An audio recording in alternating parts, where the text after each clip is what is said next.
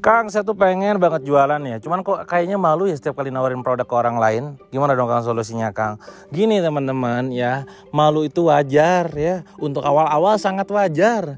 Mungkin awal-awalnya Anda tuh malu. Tapi lama-kelamaan sadar gak sadar, cek aja nanti coba ya yang awalnya malu nanti akan berubah menjadi malu-maluin. Dan itu terjadi pada saya. Karena kalau misalkan sehari nggak jualan kayaknya ada yang kurang gitu. Nah kenapa kok bisa si yakin? Itu kang jualan. Kenapa kok nggak malu? Kok kayaknya bisa pol-polan kayak begitu? Kenapa? Kenapa? Kenapa Nah maka lagi-lagi kayak begini itu perlu dibenahin nih mindsetnya jangan sampai konslet. Sekali lagi mindsetnya jangan sampai konslet. Mindset pertama pada saat anda jualan anda harus meyakini bahwa jualan itu halal. Ya sekali lagi ya jualan itu halal. Yang haram adalah riba. Nah, jadi udah jelas dalam Al-Quran wa halallahu bai'a wa harrama riba. Allah tuh menghalalkan jual beli dan mengharamkan riba. Jangan sampai sebaliknya teman-teman semua, giliran disuruh jualan Anda malu. Giliran ngontrak rumah pakai KPR, beli mobil pakai leasing, beli motor pakai leasing, terus juga jalan-jalan ke luar negeri gesek-gesek kartu kredit ya, semuanya bayar riba gitu kan. Dan Anda bangga foto depan rumah cie cetrek foto depan mobil cie cetrek. Hoi riba coy. Itu dosa gitu. Giliran kayak begitu kagak malu. Harusnya malu dosa kita banyak udah makin banyak lagi ya itu tambah ribanya gitu. Nah maka sekali lagi karena jualan itu halal maka hajar bleh gitu kan. Tentu pastikan juga produk yang dijualnya juga halal. Jangan karena produk oh jualan halal kang. Bener kang. Maka jualannya yang memang haram jualan narkoba aja jualan ganja dan selain-lain gitu kan. Ya nggak boleh gitu. Pastikan elemen-elemen yang memang harus harus dilakukan ya sesuai dengan syariat kita praktekkan gitu. Jadi nomor satu mindsetnya harus bener dulu. Jualan itu halal ya hajar aja gitu. Itu nomor satu. Nomor dua ingat ya.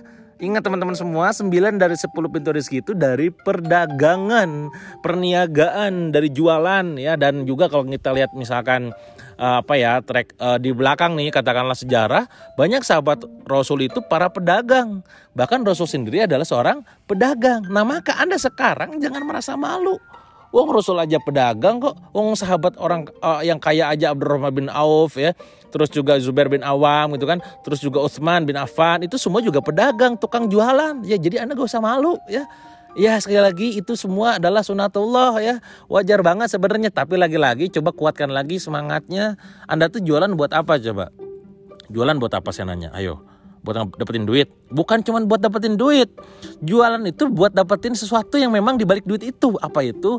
Anda pengen pada saat dapat duit, duitnya bisa dipakai buat beli rumah tanpa riba. Anda pengen pada saat jualan dapat duit, terus duitnya bisa dipakai apa? Beli mobil bisa tanpa leasing, tanpa riba. Bisa beli motor tanpa leasing, tanpa riba. Bisa beli umroh, eh beli umroh, beli apa namanya? Bisa pergi umroh tanpa harus kena tipu-tipu. Kenapa ketipu? Karena duitnya dikit, terus juga daftar ke umroh yang harganya murah, akhirnya ketipu. Ya salah siapa punya duit gitu kan bahasa kerasnya begitu makanya jualannya yang rajin ya supaya apa supaya kita bisa membeli dalam tanda kutip quote and quote membeli banyak kebaikan tadi jadi itu nomor dua, ingat 9 dari 10 pintu rezeki adalah perdagangan ataupun perniagaan. Lagian Rasul juga dan sahabat itu pada pada dagang gitu kan. Jadi Anda jangan merasa malu gitu. Anda banyak temennya gitu ya. Anda ngikutin jejak Rasul kok gitu. Yang kedua, yang ketiga, teman-teman sadarilah bahwa ketika Anda menjual itu sebenarnya Anda sedang menolong orang lain. Menolong lewat produk yang Anda tawarkan. Orang punya masalah kan tuh kan, Anda hadir, itu menolong banget. Bedanya adalah kalau mungkin kita kiranya kita ngasih produk, itu menolongnya sifat menolong benar-benar menolong gitu ya. Tapi kalau misalkan Anda jualan itu ya Anda berarti jualan itu berarti Anda dapat duit. Bedanya menolong yang dibayar. Jadi poin yang ketiga adalah anda tuh sebenarnya sedang menolong orang lain. Bukankah Anda ingin bermanfaat buat banyak orang?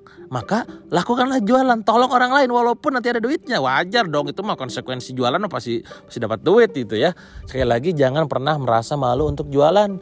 Mindsetnya diberin dulu, jangan sampai konslet ya terus Kang supaya saya urat malunya putus gimana Kang ya udah mulai dengan menawarkan setelah nonton ataupun setelah dengerin podcast ini Anda mulai tuh bikin status di Facebook di Instagram, bikin video di YouTube, bikin video di TikTok, nawarin produk Anda.